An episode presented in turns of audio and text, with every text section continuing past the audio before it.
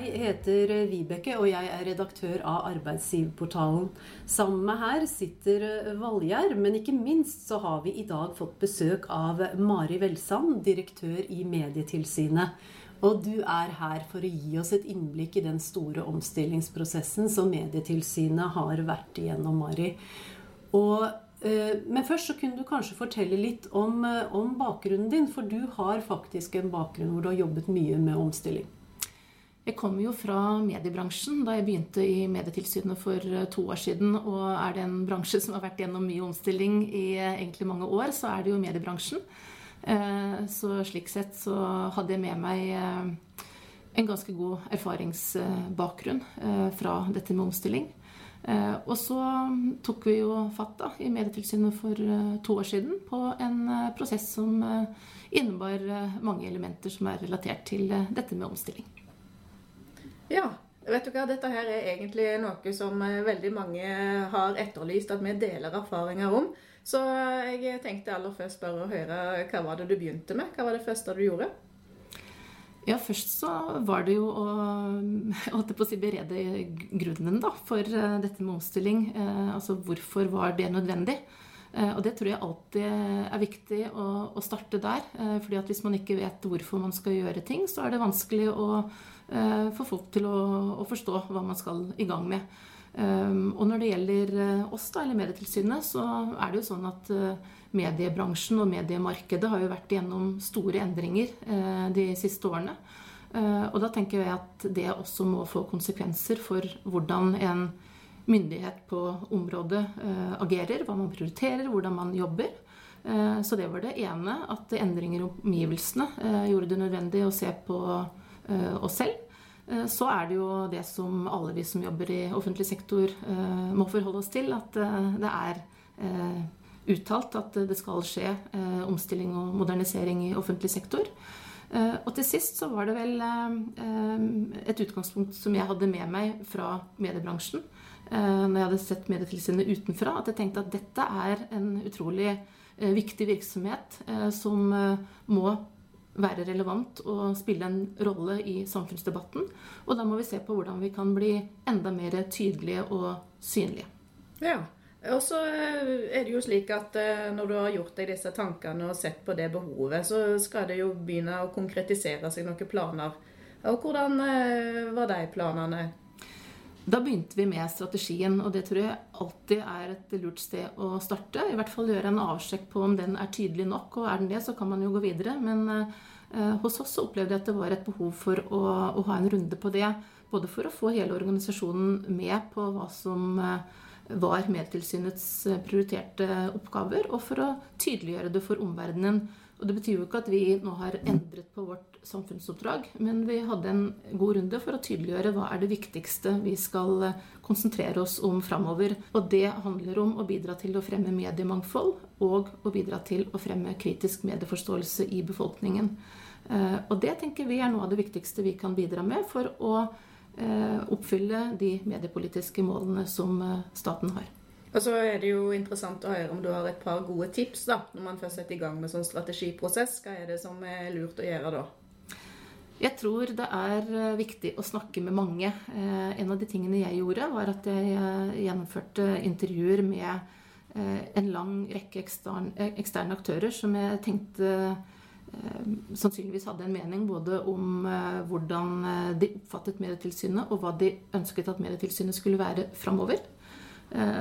Og jeg opplevde at folk snakket veldig åpent til meg fordi jeg hadde ikke noe forsvar. Jeg var ny inn. De ønsket å gi nyttig input. så det var viktig. det samme gjorde jeg internt. Jeg gjennomførte samtaler med alle de ansatte med hver og en. og det ga meg en utrolig viktig informasjon. Både i forhold til hva som ble opplevd å fungere bra, og som vi ikke burde røre, og hva man ønsket at vi skulle Eh, utvikle og forandre. Ja, og så vet jeg jo at En del av det det resulterte i, var jo at dere etablerte en ny organisasjonsstruktur. Eh, og Var det krevende å få på plass, eller hvordan opplevde du den jobben? Det er jo sånn at Når du får en strategi på plass og har tydeliggjort hva det er du skal gjøre framover, så må du se på om du har virkemidlene for å få det til, og hvordan du er organisert. Det er jo viktig for deg å si at det er ikke et mål i seg selv, men det er et virkemiddel for å nå målene dine. Og det som var nødvendig hos oss, var å gjøre organisasjonen tydeligere. Og prøve å tilrettelegge for økt samhandling. Eh, og å sørge for at eh, eh, det ikke var flere lederroller enn nødvendig. Vi er jo ingen stor organisasjon, og da er det viktig å kunne bruke mest mulig av ressursene på kjernevirksomheten. Så det var noen av hensynene som vi da la til grunn i forhold til den strukturen som vi la på plass. Mm. Og så er det jo slik at i likhet med mm, andre virksomheter i staten, så må jo selvfølgelig dere òg tilpasse virksomheten til de budsjettene som til hver tid finnes og de blir jo ikke større. Så jeg forstår det slik at dere har redusert bemanningen i tilsynet. Og hvordan opplevde du den jobben?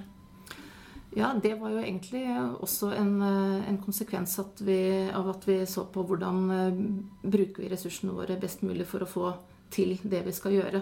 Uh, og vi hadde et antall ansatte som gjorde at nesten hele driftsrammen vår gikk til faste lønnskostnader. Og det betydde jo at vi hadde veldig lite frie midler til eh, å gjøre andre typer aktiviteter. Da. Eh, og som en del av eh, strategien så sa vi bl.a. at vi skal jobbe mer med innsikt, kommunikasjon og formidling. Og da var det behov for å, å ha midler til det. Og ved å se på hvordan vi kunne effektivisere arbeidsprosesser, digitalisere Eh, deler av virksomheten. Eh, utkontraktere noen type oppgaver som ikke lå til kjernen, som f.eks. IT, drift og kantine. Eh, så gjorde det det mulig for oss å ta ned en del årsverk, som igjen frigjorde midler til andre ting. Og det er klart at det er kanskje noe av det mest krevende man kan gjøre i en omstilling og i en organisasjon, er jo å nedbemanne. Så det Eh, er ikke enkelt. Eh, men det er mulig å få det til. Vi klarte å få det til uten eh, oppsigelser ved en kombinasjon av frivillige sluttpakker og AFP og pensjon. Som vi da har gjennomført de siste som skulle slutte, sluttet nå i, i september i år. Så det var jo da en prosess der vi besluttet omfanget da vi holdt på med hele omstillingsprosessen i 2017-2018. Eh, og der eh, vi da har eh, gjennomført det da over litt tid fram til nå. Mm. Har du fått noe hjelp i det arbeidet, eller har du brukt din egen HR-enhet? Du vet, Små virksomheter eh, som vår de har jo ikke de store HR-avdelingene. Eh, så vi eh, hadde litt bistand inne gjennom prosessen eksternt fra. I, i, utviklingen av, av de tiltakene som vi skulle gjennomføre.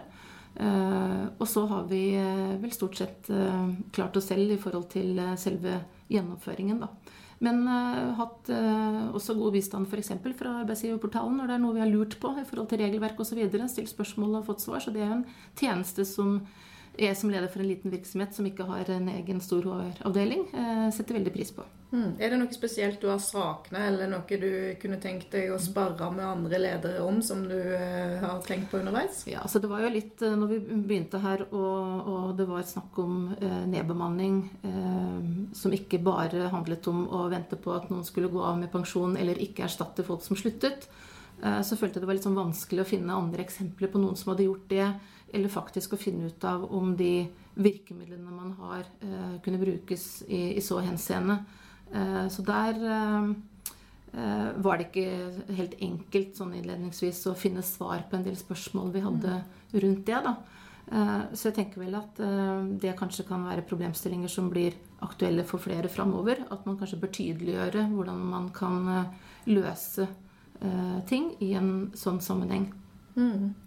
Du eh, sier jo at eh, du er leder for en virksomhet som er blant det vi kan kalle en liten virksomhet i staten. Mm. Og det er det jo mange virksomheter som er. altså Små og mellomstore virksomheter utgjør jo mengden virksomheter i staten. Sånn at eh, Er det noen sånn spesielle utfordringer tenker du, knytta til effektivisering når vi ser på den eh, typen virksomheter? Ja, det vil jeg jo uh, si at, uh, at, det er kanskje på mange områder. Uh, jeg tenker vel kanskje som fortsatt ganske ny leder i, i staten at man i for liten grad differensierer mellom store og små virksomheter på mange områder. Også på dette. Og det er klart at når du er en liten virksomhet, så har du for oss i små budsjettrammer f.eks. Sånn at det er vanskelig å frigjøre midler til omstilling før du har gjort omstillingen. Eh, så å tenke på hvordan, eh, hvordan kan man understøtte små virksomheter i en omstillingsfase, både med um, kompetansehjelp og med økonomiske ressurser til å gjennomføre selve omstillingen, uh, er jo én ting. Um, og så tror jeg jo også at man etter hvert bør se på om det er en del tjenester som man i større grad kunne samordne. Uh, for oss som er små, så er det klart at alt som er administrative tjenester f.eks., det blir jo veldig lite og sårbart. Det er veldig bra det tilbudet som DFØ har. På IT-siden f.eks. så tenker jeg vi er altfor små til å kunne ha egne ressurser på det på en god måte. Eh, så det har vi nå eh, outsourcet til et eksternt selskap. Det er kanskje et område som man i større grad kunne hatt felles løsninger på i staten. Eh, så jeg tror det å se på hvordan man kan gjøre ting på tvers da, for små virksomheter, der, der, er det fortsatt et potensial. Mm. Det høres ut som gode observasjoner, av dette her.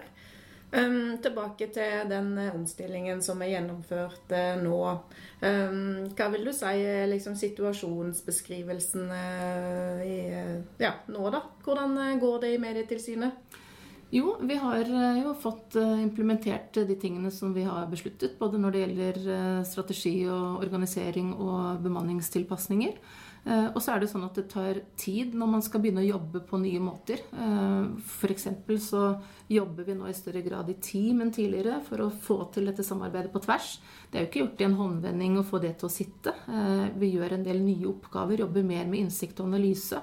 Hvordan man gjør det på en god måte. Det må læres. Det skal utvikles kompetanse. Så det er klart at det er ingen quick fix eller at man får til alt dette fra den ene dagen til den andre.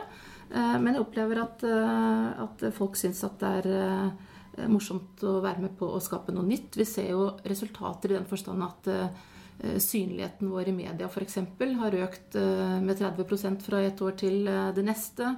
Vi får positive tilbakemeldinger fra bransjen fordi vi er mer synlige. Vi har egne arrangement, deltar på andres.